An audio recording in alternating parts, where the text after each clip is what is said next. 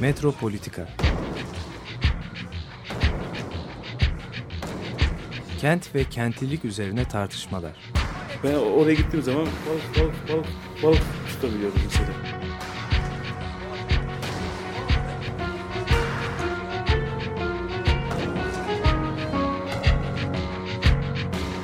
Hazırlayıp sunanlar Aysin Türkmen, Korhan Gümüş ve Murat Güvenç. Takusu yok yani. kolay kolay boşaltamadı. Yani elektrikçiler terk etmedi Perşembe Pazarı merkezinde. E, merhabalar değerli Açık Radyo dinleyicileri. Merhaba.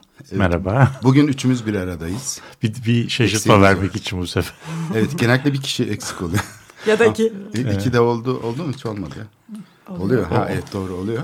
Şimdi ben e, bu programda zor bir iş yapalım diyorum. Belki küçük konularla başlayıp ama onun nasıl e, büyük siyasi meselelerle ilgisi olduğunda belki görme imkanımız olabilir. Metropolitika yapalım. Metropolitika yapalım.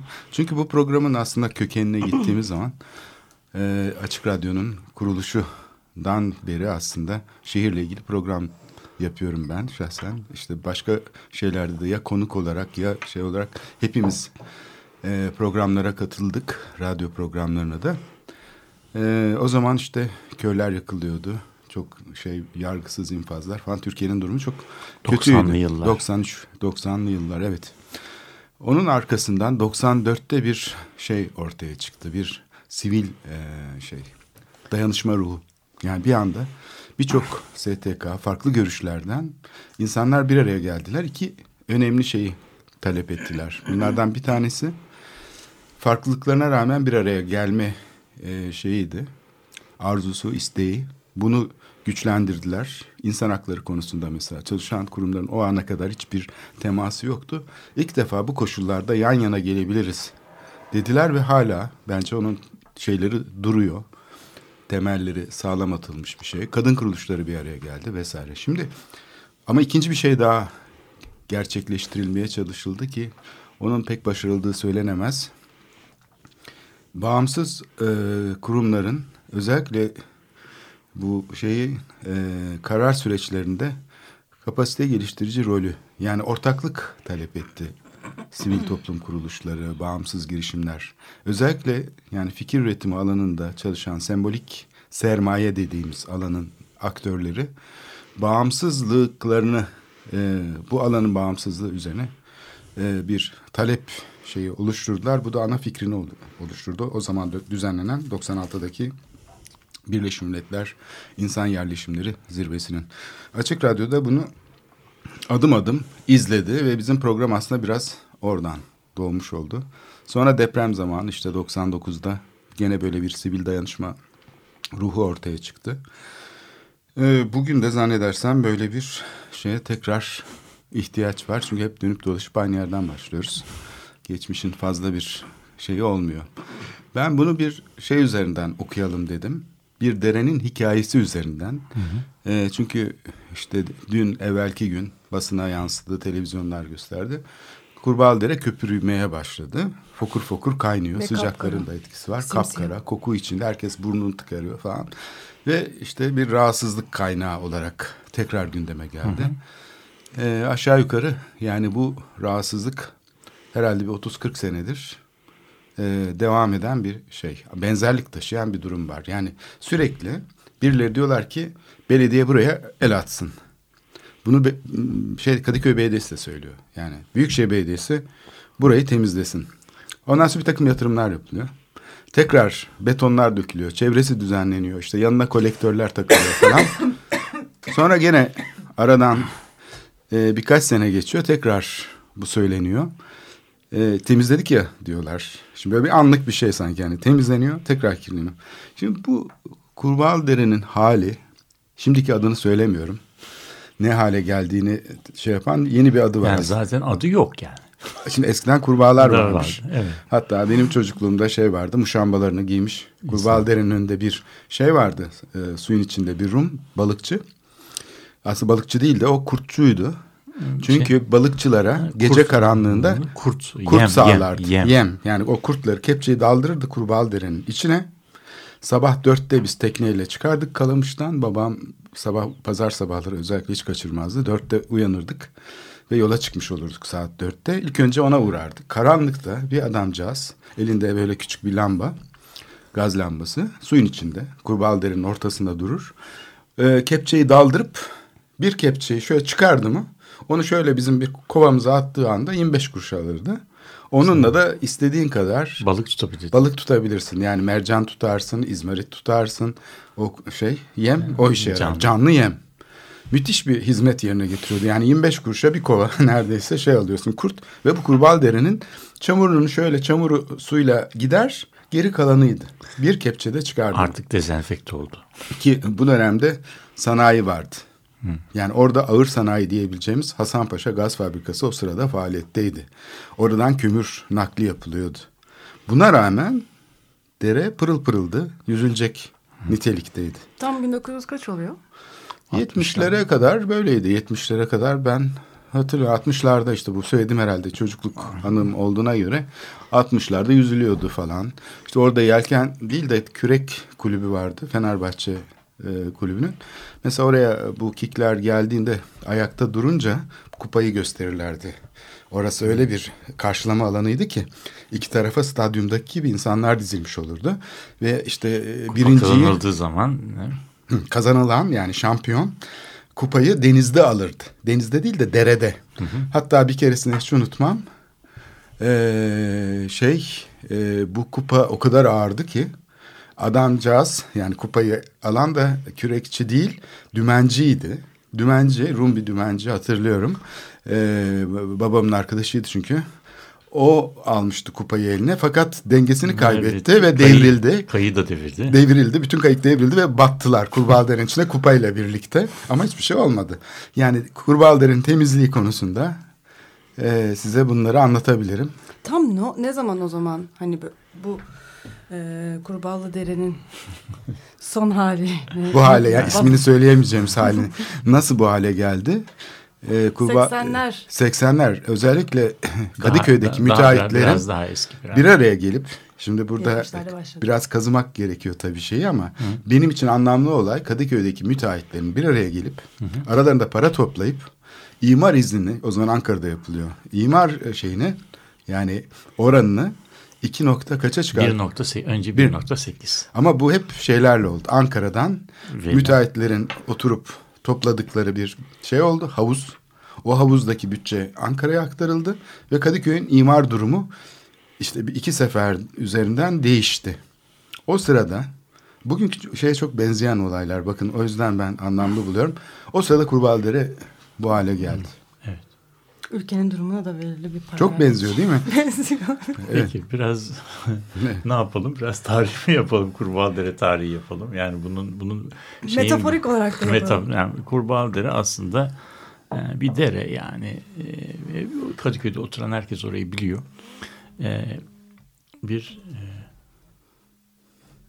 oranın e, bir tarihi var. O tarihini de biz e, hatırlatmıyorum ama bence şu anda Kurbağadere'den çok Kurbağadere'nin temsil ettiği şey çok önemli.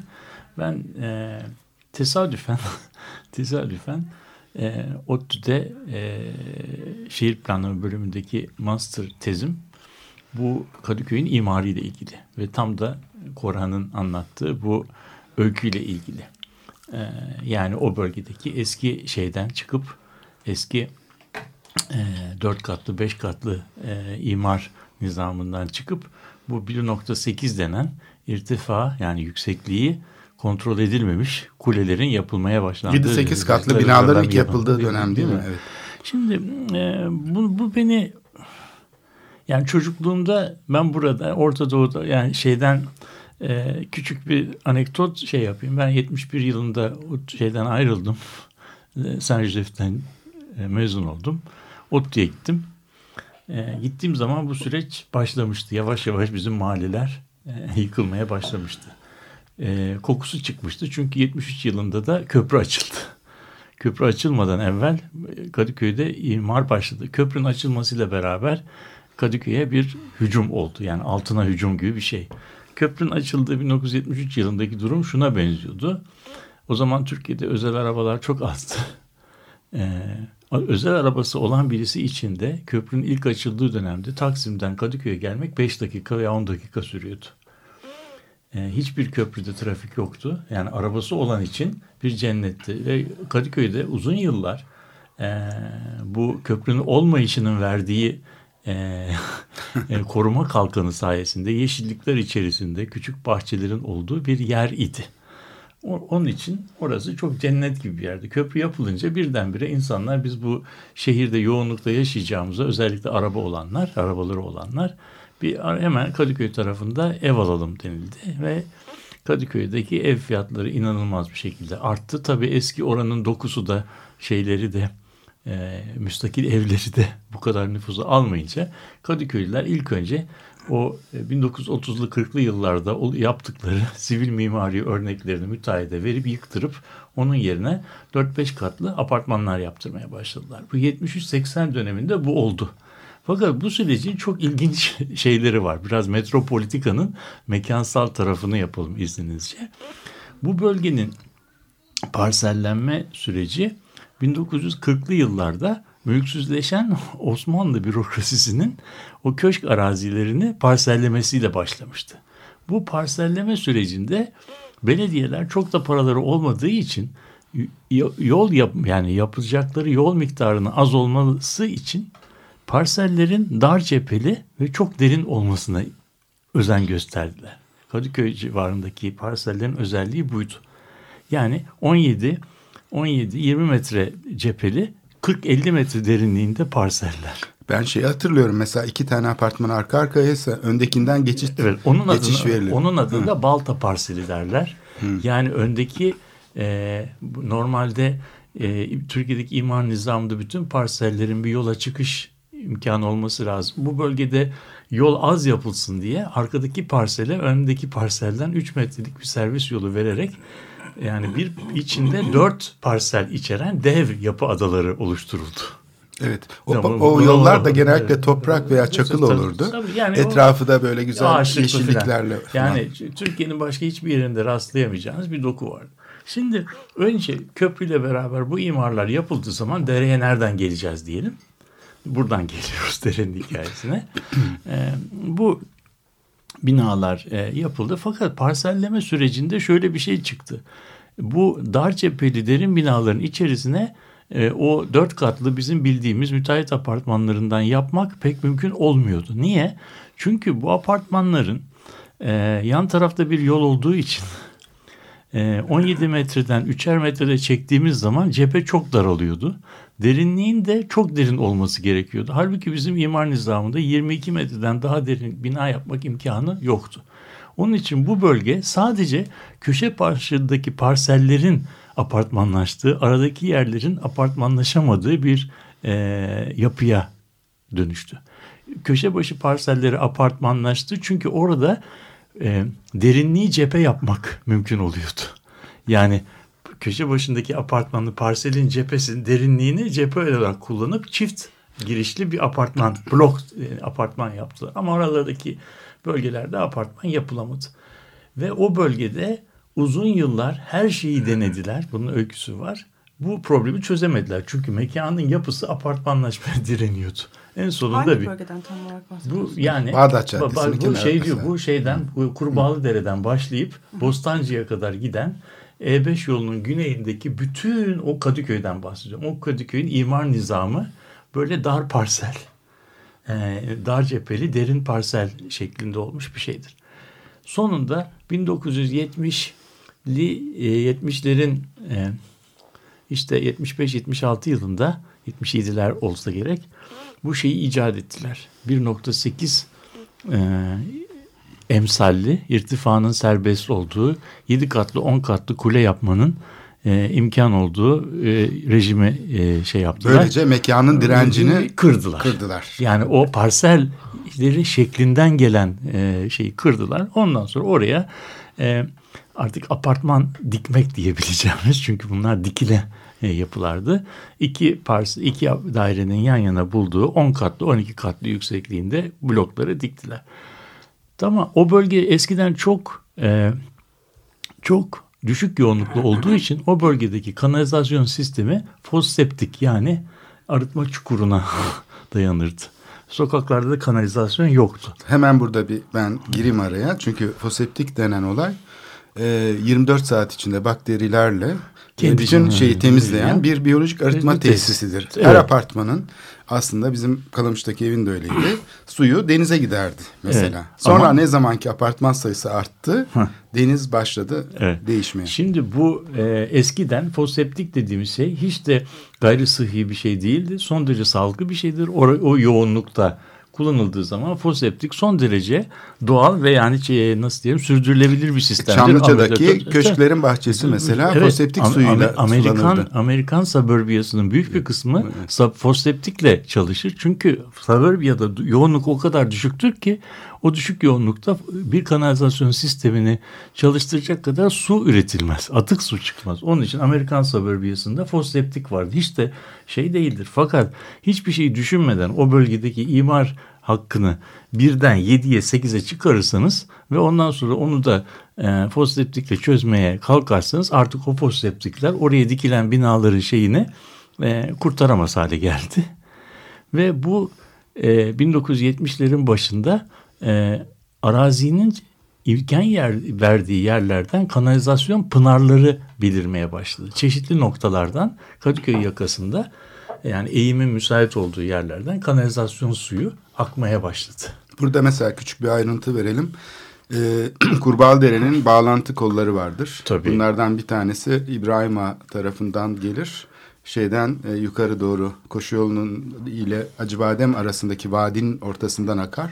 Bir tanesi Ankara yolu Dumlupınar Tarafına sapar. Evet. Bunların hepsi pırıl pırıl sulardı. Çünkü tekneyle bile girilebiliyordu içine. evet. Ee, bunlar kısa zamanda Birer. grileşti. Birdenbire renkleri gri oldu. Üstleri kapatılarak e, kanalizasyon olarak tescil et- Evet, edildiler. yani şimdi ondan sonra bu e, bu bizim hikayemizin e, başlangıcı. Ondan sonra e, Kadıköy yakasına kanalizasyon sistemi kurulmak zorunda kaldı. E, 1970'li yıllarda Kadıköy, bütün İstanbul'un e, su arıtma tesisini e, sistemini çözen bir büyük çok büyük kapsamlı bir damok projesi yapıldı. Bu proje bütün sahillerde yani e, işte şeyden e, Halkalı'dan e, şeye kadar Ahır Kapı'ya kadar bir de bo, boz, şeyden modadan şeye kadar sahillerde bir takım kuşakla, kuşaklama Evet. kanalı denen kolektörlerin yapılması. Bunların derin e, deşarjlar e, itibariyle e, bir ön arıtmadan geçirildikten sonra Marmara'nın altına e, derin e, kotlarına deşarj edilmesini filan öngörüyordu. Yıllar içinde bu yapıldı. Bu sistem kuruldu. Yani Halic'in kenarına dalanın yaptığı e, hani sistemler de İstanbul'un atık su sistemi tam 1970'lerde yapılan da, Damok projesinin çeşitli revizyonlarıyla yapmış olan şeylerdir. Fakat burada öngörülmeyen şey şudur. Ben bu hikayeyi burada keseceğim. E, bütün bu sistemler aslında bugünkünden belki üçte bir nüfusu içeren bir İstanbul için yapılmış idi. Yani Kadıköy yakasının e, şeyin Bakırköy'ün nüfuslarının bugünkü ola- olabilecek nüfuslarının üçte biri e, olacağı düşünülerek tasarlanmış sistemlerdi. Ve sonunda İstanbul bir türlü desantralize olamayıp kendi kendine olduğu yerde e, aşağı yukarı 1950'deki nüfusunun 15 katına çıkardı. Hiçbir boşluk bırakmamak suretiyle yeşil olan her yeri, boşluk olan her yeri apartman alanına e, dönüştürmek suretiyle böyle şey yaptı. Tabi bu durumda dereler artık ne yağmur suyu drenajı için ne de e, kendilerine bağlanan atık suları taşıyabilir hale geldiler. İşte bunun içerisinde bir dere kirli olabilir. Kirli olan bir dere köpürmez. Derenin köpürmesi için içerisinde kimyasal kimyasal oksijen ta- talebi denen şeyin sıfıra e, çok yükselmesi ve içerisinde hiç oksijen kalmaması lazım. Eğer hiçbir oksijen kalmazsa atıklar şey, sıcak olduğu zaman kendi içinde kaynamaya başlar. Yani bugünkü şeyde gördüğümüz Fermentasyon gibi. fermentasyon yani artık orada hayat filan kalmamış. Artık o kimyasal bir reaksiyona başlamış. Hani nasıl kimya tüplerinde Deney yapılır. de- deney yapılır da bir takım şeyler başlar. Hani fokurdamalar başlar. Bu da onu gösteriyor. Kay- kay- şeyin E, o yüzden e, bizim Kurbağalıdere'deki öykü şu. 1970'lerden beri e, çok miyopik, dar görüşlü bir şeyle e, ben karımı en çoğa çıkarırım. Bunun toplumsal maliyeti uzun zamana yayılır. Bunu kim öderse ödesin fikrinin e, sonucudur. Yani bu fikrin metaforu da ben pisliği, pislikleri halının altına süpürürüm nasıl kimse görmez e, mantığıdır. E, bunu yapabilirsiniz. Bir iki defa halının altına pislik süpürüldüğü zaman da hakikaten halı pisliği göstermez. gibi olur. Temiz gibi gösterir. Ama bu siz bu e, şeyin altına halının altına pislik süpürme pra, şey pratiğini aşağı yukarı 70'lerden 2015'e kadar yani 45 sene sürdürürseniz artık ne halının e, halının pisliği örtebilme kapasitesi de e, onun da bir şeyi vardır. O da bitmiştir. Artık e, o pisliği örtecek ne halı kalmıştır ve pislik de orada biriken pislik de kendi içerisinde dönüşüme uğrayarak yeni formasyonlara e, dönüşmüştür. Ben bunun adlarını filan şey yapmıyorum. Sonunda biz el birliği ile bugün e, yani nasıl bir şehircilik, nasıl bir şehir kurduk sorusunun cevabını arıyorsak bunun en veciz, en e, şey örneği Kurbaldırı örneğinde karşımızda. Biz ona bakarak şehircilik e, tarihi üzerine okuyabiliriz şey diye şey yapalım. Türkiye'nin şehircilik tarihini Kurbaldırı üzerinden göster okumak evet. güzel bir fikir. Evet. Çünkü her şeyi konuşmak yerine bir tek şey bize yeteri kadar fikir veriyor. Fakat bu arada apartman sakinleri rahatsız. Onlar e, bu durumdan rahatsız. Hatta Kadıköy Belediyesi rahatsız. rahatsız evet. Yani süpürün şu pisliği diyorlar ama süpürecek yer yok. Yani evet. o tarafa süpürüyorlar bir bu tarafa. Evet. Bir o tarafa bir bu tarafa. Dediğin gibi sonunda her yer şey olmuş vaziyette. Yani burada bir hani havza yönetim planı yapılsaydı da geçmişte ona göre işte yerleşim... Ama bunlar zor şeyler. Bunlar zor işler. Onun için siyaset e, konuştu e, bu alanda da her yerde olduğu gibi. Türkiye'nin siyaseti sayesinde Kurbağalıdere bir veciz örnek olarak e, metafor e, olarak yani karşımızda evet. bence bir e, şehir müzesine konulması gereken bir, bir parçadır. Yani bu hali bu hali herhalde 50 yıllık bir şeyin e, yani bir e, bir şehirde sürdürülebilir olmayan bir şehircilik e, şeyi pratiği nasıl e, yapılabilir bunun e, en veciz göstergesi. Şimdi burada ben bunu iki döneme ayırıyorum bu hikayeyi. Bir tanesi e, mazur görebileceğimiz bir dönem var. Yani Kurbağalıdere gibi bir şehirciliğimin. Ben bu mazur görebileceğimiz dönemi 1958 devalüasyonuyla 1973 krizi arasındaki 10, 13 yıllık dönemde. O dönemde hakikaten Türkiye çok berbat bir ekonomik krizden geçiyordu. Ve o dönemde şeylere, şehire yatırım yapmamayı bir ulusal politika haline getirmişti. Bütün o zamanki iktidarlar hangi e, görüşte olurlarsa olsunlar yani o işte iyi kötü bir birazcık planlama yapılan dönemde şehirlere yatırım yapmayalım. Ee, işte bir sanayi, ithal ikameci bir sanayi kuralım. iyi kötü. Bununla da döviz gereksinimimizi azaltalım ve Türkiye'yi biraz kalkındıralım diyen bir politika var. Ama 73 krizinden sonra dünyanın değiştiği belli oldu. Artık bu sistemin sürdürülemeyeceği belli oldu. 80-24 olay, o, e, 24 Ocak kararlarından sonra da artık Türkiye'de kalkınmacı, ithal ikameci bir şehirciliğin olamayacağını, başka türlü bir şehirciliğin olması gerektiğini, şehirlerin desantralize olması gerektiğini, e, başka yani alternatif bir mekan üretme, yaratma pratiğine geçmemiz gerektiğini gösteren her türlü işaret vardı, imkan da vardı. O zaman masum olmayan bir, bir şey. Evet. Yani o zaman 1980'den bu zamana kadar yapılanlarda biz e, aslında toplum olarak istersek yapabileceğimiz bir şeyi yapmamanı yapmayarak ondan sonra yani e, problemi geleceğe taşıyarak geleceğe taşıyarak gelecekteki insanların şeyini e, tercihlerini ve e, hayat kalitelerini ipotek altına alan bir e, şeyi tercih ettik. Böyle olduğu zaman da o gelecekte bir gün geldi.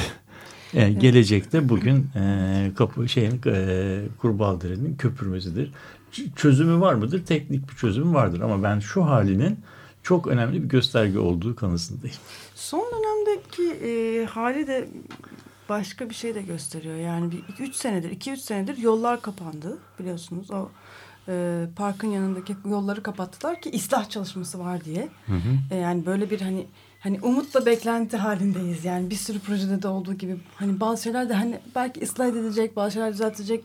Hani e, pozitif bir şehircilik anlayışı. Hayır teknik bir çözüm bekleniyor tabii. Bir çözüm bekle. Bazı başka konularda da olduğu gibi bir çözüm bekliyor. Olacak aslında yani olabilir. Yani mantıken olabilir diye düşünüyorsunuz. Ama yok öyle olmuyor. Yani bu umutlar hani yükseltiliyor yükseltiliyor sonra müthiş bir belirsizlik haline geliyor. Yani böyle bir dönem bir, hani hem de yol kapalı yani. yani yol kapalı ya kapanıyorsa hani iki ay sonra olacak diye bekliyorsunuz. Şimdi Hani böyle bir şey- şey- yakınlaşmış hissi yani, Yani- olacak. Hani şimdi Evet. olacak birazdan Şimdi olacak. Bu gözlem aslında ben tam da bu noktaya getirmek istiyordum. İsterseniz bunun üzerine, üzerinde bir duralım. Çünkü e, ben de gözlemledim aynı süreci. Bir Kurbağadere'ye dakika sadece şu Kurbağalı anda dedi. Kurbağalı dedi mi zaten gözlemledik. E, Bir sürü her yerde projelerde de aynı ama şey. Olacak Dere- yani çok yakına Evet. geldik. Olmak üzere oraya tabelalar asıldı. Belki iki kere e, müteahhit e, ihale aldı. Belki daha fazla. Her seferinde Kurbağalı Dere temizleniyor diye büyük reklamlar yapıldı. Kurbağalı Dere artık kurbağalı olacak. İşte Kurbağalı Dere şöyle olacak falan diye panolar yapıldı. Ve bence oraya harcanan parayı şey yapsak yani hani şimdi o masum dönemde kente ayrılacak bütçesi yoktu Şimdi var. yönetimin. Şimdi var. Peki o harcadığı para bir işe yarıyor mu? Yaramıyor. Asıl sorun burada. Müteahhite veriyor. Gene şey yapıyor ama işin hani bu yemeklerden sonra mı alacaktım yemeklerden önce mi diye diyeti şeye soran doktoruna soran hasta vardır ya e, ona benziyor şu anda e, Türkiye'de Kadıköy halkının durumu da öyle yani şimdi yapılsın diyor mesela Büyükşehir Belediyesi bunu çözeceğini zannediyor Kadıköy Evet. Belediyesi Şimdi öyle bir imaj yaratıyor. Bu çözümlerle ilgili belki şeye de gitmeden önce, müziğe gitmeden önce bir küçük anekdotla belki şey yapalım. ondan önce bir şey daha söyleyeyim. Tabii, buyurun. Madem Evet. metafor olarak e, konuşuyoruz. Yani bunu söylemeden edemeyeceğim. Yani Türkiye'nin en önemli so- sorunuyla ilgili bu kadar hani çözüme yaklaşmışken, çözüm süreci denilen şey başlamak üzereyken bugün burada durmamız da yani çok üzücü ama yani gene bu kurbağalı derine örneğiyle çok benzerlik. Evet. Tabii. Bu teknikçi çözümlerle Evet, işte evet. şeylerle Söylemeden uyutulan Evet, işte- kamuoyu yani sürekli. Yine, yine ben Aysim'in Aysim'in problemine e, Aysim'in problemine e, de belki benim küçük e, anekdotum ona da şey yapılıyor. 1940'lı yıllarda Amerika'da bir adet olmuş berberlerde iki çeşit e, tarife yani berberlere önce belediyeler bir tarife saç kesme tarifesi asma mecburiyeti getirmişler. İşte bir takım berberler işi nasıl yapacaklarsa işte herkes asmış. Ve genellikle iki e, iki tür tarife çıkmış. Bir tanesinde biraz daha pahalıya kesiyorlarmış saçları. Bir, bir kısmı da daha ucuza kesiyormuş. Daha pratik yoldan e, makineyle. makineyle veya nasıl şey nasıl yani ucuz ve ucuzcu bir çözüm şey ama. Aradan böyle bir iki sene geçtikten sonra o pahalıya e, saç kesen e, yerlerde ikinci bir tarife asılmaya başlanmış. Düzeltme yapılır ama 10 dolar alırız diyorlar. yani şeyin yani şimdi böyle kötü e, kötü çözülmüş problemin düzeltilmesi Daha da pahalı. e, problemi Çok daha çözmekten pahalı. çok daha şey. Şimdi o yüzden çözümün e, çözümün mış gibi yapılarak çözülmesi e, biraz çözüp biraz e, çözmemeye şey yapması ki buna mesela İlhan Tekeli çok güzel kitabında e, Türkçe'de pek olmayan e, kullanmadığımız devrevi planlama kavramını şey yapıyor. Devrevi demek yani böyle sorunun çözümüne en yaklaştığın anda çözümü çözümden uzaklaşıp işi haline oluruna bırakmak, iyice problemin de çözülmeden dejenere olmasına e, yol varmak. Ondan sonra da e, tabii o program yani çözülmeyen, yarı çözülmüş pro- problemlerin zaman içerisindeki biriktiği şeyde bize e, Kurbağalıdere metaforu olarak her seferinde karşımıza geliyor. Bu Kurbağalıdere bu belki Kurbağalıdere'nin e, gündeme geldiği birinci, ikinci, üçüncü e, dönemler. Ama bu, bu şekilde gidersek bu, bu dere bitmeyecek. Yani bu, bu Her dere... şey çözüm için zaten. Evet, evet, evet yani çözüm. çözüm beklentisi için belki de. Ee, şimdi e, şeyin e, yavaş yavaş biz e, araya geliyoruz. Arada şeyi dinleyeceğiz. E, dereyle ilgili bir şey dinleyeceğiz. E, Bruce Springsteen'den The River.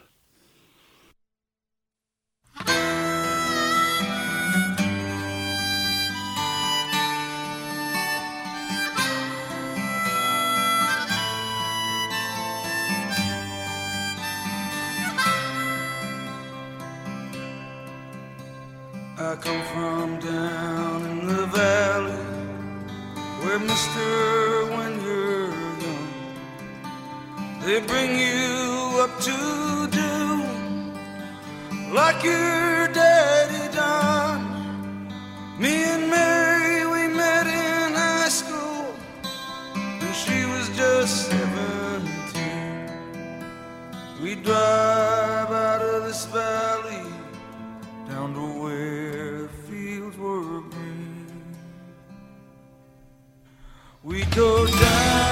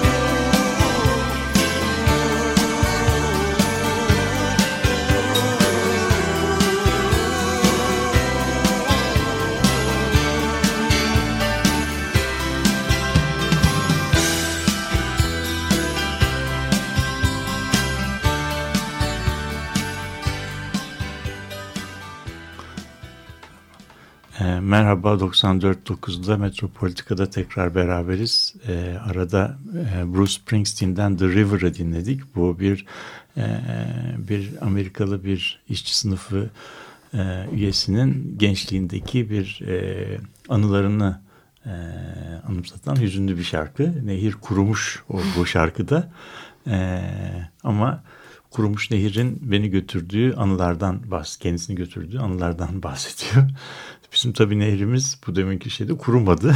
Tersine e, şekil değiştirdi. Yani yeni bir şekle girerek kendini e, bize yeni kimliğiyle e, karşımıza koydu. Biz de Kurbağadere örneği içerisinde çözülür gibi yapılıp da çözülmeyen, e, geleceğe ip, ipotek edilen, geleceğe taşınan, gelecekteki insanların yaşam kalitesini ipotek altına e, alan çözümlerin bir örneği olarak sabahtan beri şeyi Kurbağadere'yi e, konuştuk.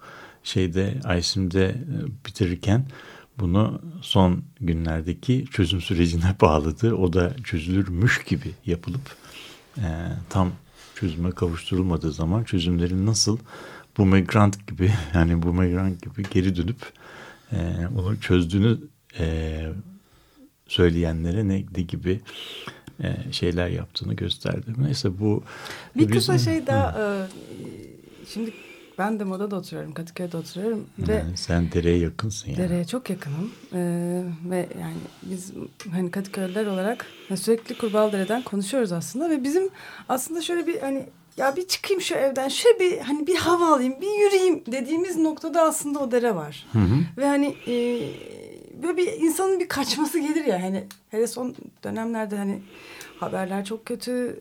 Hani kimle konuşursanız ne, negatif bir durum var ve böyle bir hani şöyle bir yürüyüş yapıp gelen bir sürü insan ölüm tehlikesi geçiriyor yani. Hani gerçekten öyle hissediyorlar çünkü o kadar kötü ki gerçekten çok Polisin kötü. gaz sıkmasına gerek kalmıyor. Evet, Derenin yani, kokusu evet, getirdiğinden. dereyi o hale getirdiler ki yani o hani o hani bir, bir uzaklaşayım geleyim hissi de tamamen kapanınca böyle hani Kadıköy kendi içine doğru yani böyle ka- Yani kapanmaya sakın- başladı. Tomalara konan suyu Kurbağalıdere'den çekiyor olmasın mı? Hayır yani ona gerek yok. Şimdi onun yanında da işte Fenerbahçe'nin çok büyük stadyumu var. Yani hemen onun bitişiğinde. Ee, yani e, o orası aslında hakikaten yani bir şeyi bekleyen, e, çözümünü bekleyen bir şey. Bu, bu tabii bu çözüm demin benim söylediğim gibi e, çok pahalı bir çözüm olacak. Yani bu öyle ucuz bir çözüm olmayacak.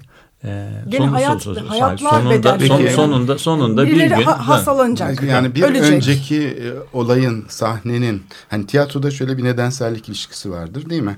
Bir sahne vardır. Ondan sonraki sahnede onun devamıdır. Ölen ölmüştür, kavga eden etmiştir, kırgınlıkla ölmüş falan. Şimdi bizim sahnelerimizde sanki arada bir şey perdesi var. Evet. Sanki yeni bir oyuna geçmiş gibi yapıyoruz. Evet. Bir önceki sahnedeki problemi aslında görüp tedavi etmek ve ikinci sahneye öyle geçmek yerine o sahnenin şeylerini kenara süpürüp sorunlarıyla, deneyimleriyle bir sonrakine ben biraz onun için geçmişe gene gitmekten yanayım. 1900'lere. Şimdi bu San Jose'deki Doğa Müzesi, Biyoloji Müzesi daha doğrusu dünyanın en büyük müzelerinden biridir aslında. Hayvan hayvan dolu- hayvanlar, bitkiler, böcekler, kuşlar, özellikle kuş e, doldurulmuş kuşlar. Evet, pelikanlar bilmem neler. Hala var mı? burada? Var duruyor, tabii. Duruyor. Dünyanın en büyük e, biyoloji müzesi aslına bakılırsa. Ben bunu yani bir okuldaki herhalde yani biyoloji müzeleri vardır da ama bir okulun içindeki ben diyordum ki yani bu firarlar San Joseph'i kuran e, teşkilat dünyanın her yerinde e, şey var. E, bir büyük bir ağı var. Misyonları var. Misyonları var ve e, işte yazışıyorlar. Hani biz nasıl mektuplaşırdık falan. Bütün bu e, San Joseph'li biyoloji hocaları arasında da bir network var ve dünyadan, Çin'den, işte ne bileyim Rusya'dan falan bunlar gelmiş. Burada doldurulmuş. Hediye olarak göndermişler, cins olarak göndermişler. Kendi aralarında değiş tokuş da yapıyorlardı belki. Onun için sergileniyorlar diye düşünüyordum e, bir süre. Sonra şunu fark ettim. Bunların Hepsi hepsi, buradan- buradan. Havzasından Toplanmış. toplanmış kuşlar. Sonra şeyi hatırladım. Ee, çocukluğumda hava gazı vardı. Kalamış'ta bizim. Ve hava gazı idaresinin böyle Fransız şey şapkasına benzeyen silindir şapkalı memurları vardı. Bunlar eve gelirlerdi çünkü hava gazı çok narin bir şey. Çok sürekli işte kontrol edilmesi gereken ocaklar, borular, sayaçlar falan. Bu gelen kişiler gelirken ellerinde kuş getirirlerdi kafeste. Hem hava gazının yani şeyinden etkilenip etkilenmediğini görsün diye hem de sonra fark ettim ki aslında orası Hasanpaşa Kurbağalıdere'nin yani Bir sulak Hal- alanıydı. Orası sulak alan ve kuş havzası olmasının, kuşların, göçmen kuşların orada ko- konaklamasının nedeni e, buranın su havzası olması. Bu kadar basit. Evet. Şimdi tabii bu e, yani şeyin Korhan'ın anlattığı öykünün e, şeyi yani doğanın insanlar bir şehirde yaşarken doğayla beraber yaşıyorlar. Orada orada doğal bir hayat var yani. Her şeyde parsel değil, her şeyde iman hakkı değil, her şeyde gabari değil, her şeyde e, taks kaks e, gibi oranlar değil. Yani biz şehri biz şehri iman haklarına indirmiş vaziyetteyiz. Yani bu, bu şehirde haklarından değil, imar iman- yani insan haklarından değil, hayvan hakları da değil. Ee, Sadece imar. İmar hakları. İmar yani Sektör. bir, yani ve bu Bak, e, evet. esas yani e, bir şey gibi bizim e, bir kent anayasasımız e, yani yazılsa birinci cümlesi her şeyden evvel iman hakkı vardı diye başlar. Hani indi hani bir ışık vardı, söz vardı diye başlar ya o kitaplar. Bizimkisinde bizim kitabımızın da böyle her şeyden evvel iman hakları vardı. Halbuki Ama her bazıları şeyden- için, her, herkes şey- her için şey değil. her şeyden evvel iman hakları yoktu. İman hakları yani onu bilmemiz lazım ki çok yeni bir şeydir. Yani tarihsel olarak iman hakkı kavramı oldukça yeni bir e, şeydir. Hak olup olmadığı da e, çok tartışmalıdır. E, imar hakkının. Mülkiyet hakkının olduğu bir yerde imar hakkının olup olmayacağı da hukuk felsefesi açısından çok tartışılmıştır. Mesela İngilizler mülkiyet hakkının mülkiyet hakkının tartışıldığı bir şeyde yani İngiliz şehir yazınında şöyle bir kavram vardır. İnsanlar toprağa sahip olabilirler. Toprağa sahip toprak mülkiyeti toprağın iki boyutlu mülkiyetidir. Eni ve boy. Toprağın üçüncü boyutu ve toprağın derinliği aslında toplumundur. Yani top, top şeyin toplumun yani şeyin yani Çünkü toplu- onda bir sınır sah- yok. sa- Sahip olduğumuz sahip olduğumuz toprak parçasının üçüncü boyutunda neler yapılabileceği konusu komşuların, toplumun, herkesin işidir. O toplu, sahip olduğumuz toprağın altındaki e, binlerce metre derinliğinde nelerin olu- olduğu e, konusunu onu nasıl kullanacağımız hasbelkader o toplumun o toprağın yüzeydeki iki boyutlu parçasına sahip olanlara ait olmayabilir.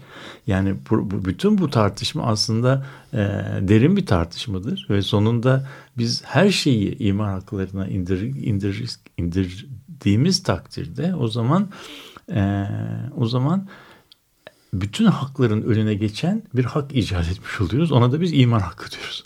İman hakkı da e, sadece imar yani şey sahiplere yani taşınmaz sahiplerinin bir hakkı oluyor. Taşınmaz sahiplerinin bütün haklara sahip olduğu, taşınmaz sahibi olmayanların da hiçbir hakkının olmadığı bir sistem kurmuş oluyoruz.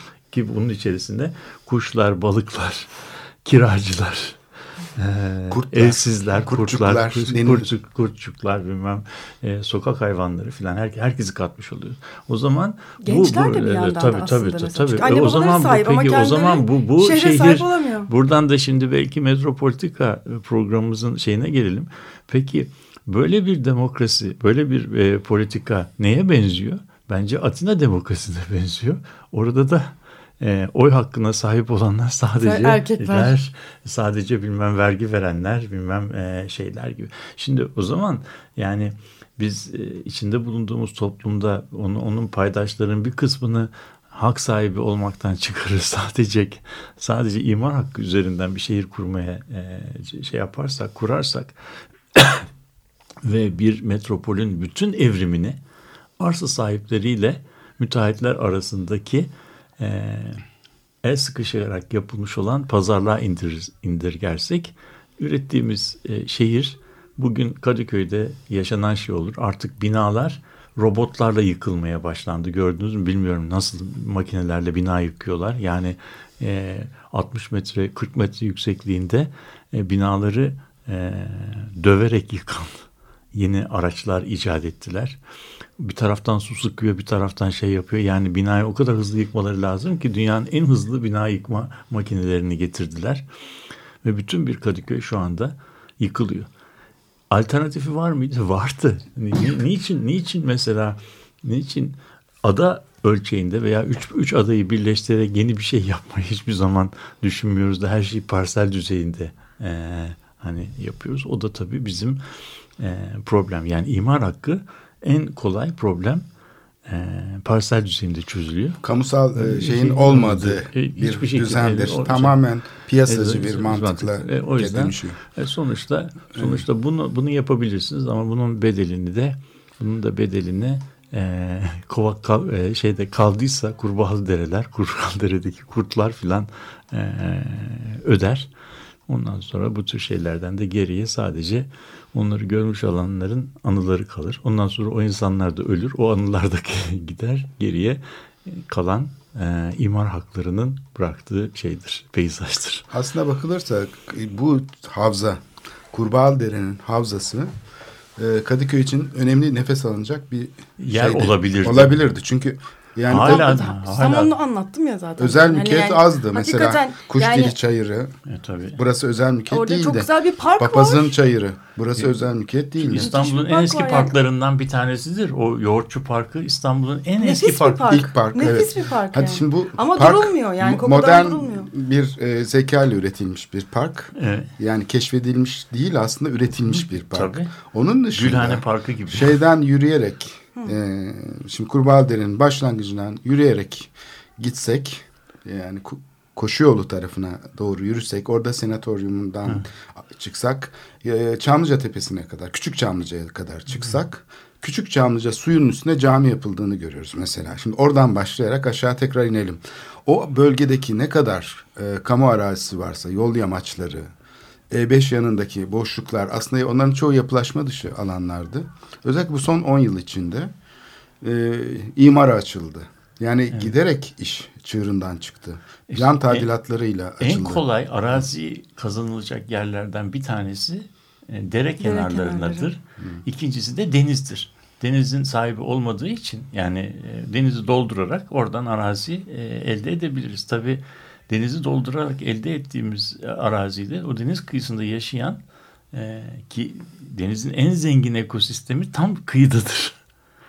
Bütün balıkların yumurtaları, bütün e, şey yaşam o kıyıda gerçekleşiyor. Derin sularında çok ze- zengin bir yaşam yok aslında. Evet bunu şey yapalım yani e, altını çizelim çünkü kırlangıç e, şeyleri yavruları Kalamış sahilinde büyürlerdi. Tabii, yani bütün tabii. sahillerde büyürlerdi ama Kalamış'ta o küçük kırlangıçlar e, Sonra yayılırlar. yayılırlar. Kıyıda büyür. E, kefaller kıyıdaydı zaten. Onlar serpmeyle böyle hemen avlanıp satılırdı taze taze. E, bütün şey sahil neredeyse e, balık cennetiydi. Deniz yıldızları, deniz atları bunların hepsinin olduğu bir e, şey sahil. Hatta fok balıkları varmış 100 yıl öncesine kadar. Fenerbahçe burnunda bir fok ailesi yaşarmış. Evet, buyurun. O ka- kayalıklığın olduğu yerde. Hemen yanında Bizans limanı, Yazlık Saray, Bizans İmparatorluğu'nun Yazlık Sarayı'nın kalıntıları vesaire. Şimdi böyle bir e, bağlam aslında e, son derece ölçülü bir şey içinde modernleşmiş.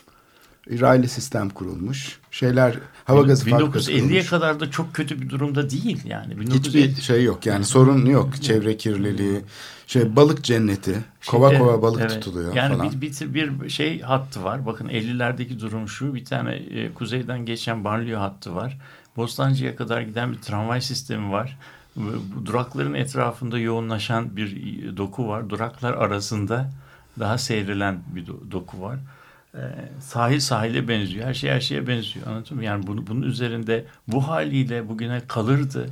Hiçbir şey olmasındı değil. Ama burada milyon tane alternatif var iken bunların hiçbirisini yap, e, şey yapıp e, dikkate almayıp bütün parselleri yüzde yüz imara açarak ki bugünkü yaptığımız şey bugün orada yapılan şey oradaki artık biyolojik hayatı sıfıra indirecek bir şey yapıyorlar. Çünkü bütün parsellerde dikkat ediyorsanız yeni e, yeni imar nizamında belediye tabii o 7 metrelik sokakların oto, otopark almayacağını bildiği için bütün parselin e, tamamının e, Ye- ka- üç katlı otopark olmasına Yere karar batanlar. verdi. İşte öyle olduğu zaman da parselin önce inşaat şöyle yapılıyor. Parselin önce etrafına kazık çakılıyor. Tam sınıf sıfırdan şey yapılarak ve 3 yani aşağı yukarı 9 metre kazılıyor. 9-10 metre kazılıyor.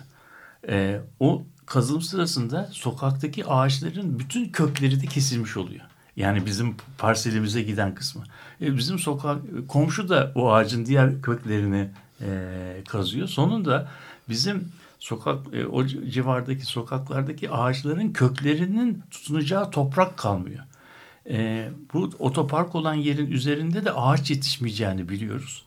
Yani sonuçta herkes parselini yüzde yüz imara açtığı zaman sadece kendi parselindeki bütün e, ağaçları öldürmüş olmuyor. Sokaktaki kamu alanındaki ağaçları da ölüme mahkum ol, e, ediyor. Bir lodos fırtınasında o ağaçlar da birer birer e, yıkılıyorlar. Yani bu ağaçların devrilmesi denen şey rüzgarın hızından olmuyor. Biz ağaçların kök, ağaçlarda kök bırakmıyoruz kendini taşıyacak. Ondan bu işler oluyor. Şimdi bu tabii e, uzun bir şeydir. E, uzun bir sürece e, e, girmiş vaziyetteyiz. Şimdi ben umutlu bir şekilde bitirmek için bir şey söylemek istiyorum. Bu süreçte e, aslında parsel sahipleri ya da mülk sahipleri ile ortaya çıkan yeni girişimci tipi yapsatçı müteahhit ilişkisine baktığımızda aslında 80'lerden önce başlayan bir furyada yavaş yavaş şeyin palazlandığını görüyoruz. Siyaset e, sermayesinin şeyin bu temelde oluştuğunu görüyoruz. Yani bu fırsatçı e, yönetim şey. Bu da merkezileşmiş bir yönetimin eseridir aslında. Yani Ankara ile yerelin bu şekilde ilişki kurması, kendi sorunlarını algılama yeteneğinden uzak kalıp tamamen e, işte milliyetçilik vesaire bütün bu yoksulluklar, bu krizler yaşanırken o dönemde değil mi 70'li yıllarda bu sorunları hep böyle şey temelinde çözmeye çalışması, Ötelemek. çatışmacı bir merkezci siyaset üzerinden çözmeye çalışması şeyiyle bugünlere geldik. Ve buna arsız siyaset diyebiliriz aslında. Yani arını kaybeden bir siyaset. Mekanı bu şekilde kullanarak. Belki bu sistemin tekrar geri dönmesi için de bu bir fırsat olabilir diye düşünüyorum. Çünkü bu gördüğümüz şey aynı zamanda siyasetin nereye doğru gittiğini bize gösterdi. Yani o şeyin içinde gelişen kapital siyasete aktarıldı. Siyaset ondan palazlandı ve bu mücadele üzerinden her şey gerçekleşti. Çatışmalar, o zamanki işte bu şeyin ortaya çıkışı yani kötü politika dediğimiz insanları malzeme gibi gören yani devletle toplum arasındaki oluşan asimetri yani hep böyle bir yukarıdan bakan bir devlet anlayışının bu yarattığı bir sonuç aslında. O yüzden ben e, umudu nerede görüyorsun şu an? umudu yani bu yolun çıkmaz olduğunu e, yani, Yani ama buradan tekrar bir Daha yerelleşme bir deneyimle gibi işte ama felaket yani bunun sonucu Felaket. felaket, demek. Kurbağalıdere'nin durumu gibi. Evet. Biraz bu felaketi engelleyebilecek bir tek şey var. Ee, şeyin e, bu işte güvenlikçi, sağlıkçı böyle şey olarak tamamen sektörcü bir bakışla piyasaya teslim olmuş ve büyük emellerini o projelerle yani işte ulaşım ulaşımdan ibaret değil işte başkanlık sistemiyle çok alakalı çünkü o projelerin arkasında olması gerekiyor. Bir patronaj olması gerekiyor ki kredi temin edebilsin, devlet bankaları bu işe seferber olabilsin. Yani siyasetin sorunlarıyla mekanın me- şeyi dönüşümü arasındaki ilişkiyi kavradığımız anda o zaman geleceğimiz üzerinde söz sahibi olabiliriz. Eğer bu ilişkiyi kavramayıp siyaseti sadece işte şeyin üzerinden okursak tamamen onun bize sunmuş olduğu görünür alanda siyaset diye bize sunduğu alanda okumaya başlarsak o zaman niye Kurbağalıdere'yi temizlemiyor? Niye işte şu oluyor bu oluyor gibi siyaseti sadece tercihlerden ibaretmiş gibi metafizik bir şeymiş gibi okuyoruz. Siyaseti bayağı maddileştirmek ve mekansallaştırmak gerekiyor bu açıdan. Özellikle evet, son dönem siyaset tamamen mekan üzerinden olduğu için bu Evet, çok önemli. bunu bilinçaltına itmemek lazım. Çünkü siyaset böyle iş görüyor. Bizim de eğer buna karşı direnme gücümüz olacaksa bunu değiştirme ve bunu şeye kamuoyuyla birlikte yani fırsatçılarla, sektör temsilcileriyle oluşan bir politikayla değil, daha katılımcı, kamusal genişletici bir politikayla yapılması şart gibi gözüküyor. Evet, Kurbağalı Dere ile e, başladık. E, ama hem şehir hem de ülke için bir metafor olarak Kurbağalı Dere'yi okuduk. Bu programı da böylelikle bitiriyoruz. İyi haftalar diliyoruz. Hoşçakalın.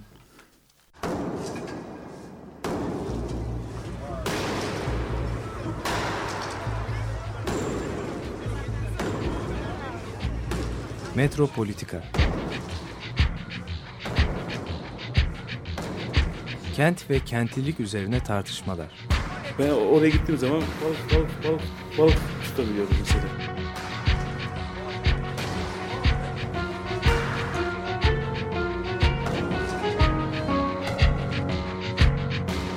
Hazırlayıp sunanlar Aysin Türkmen, Korhan Gümüş ve Murat Güvenç. Takusu yok yani. Kolay kolay boşaltamadılar. Yani elektrikçiler terk etmedi Perşembe Pazarı merkezinde. Açık Radyo program destekçisi olun. Bir veya daha fazla programa destek olmak için 212 alan koduyla 343 41 41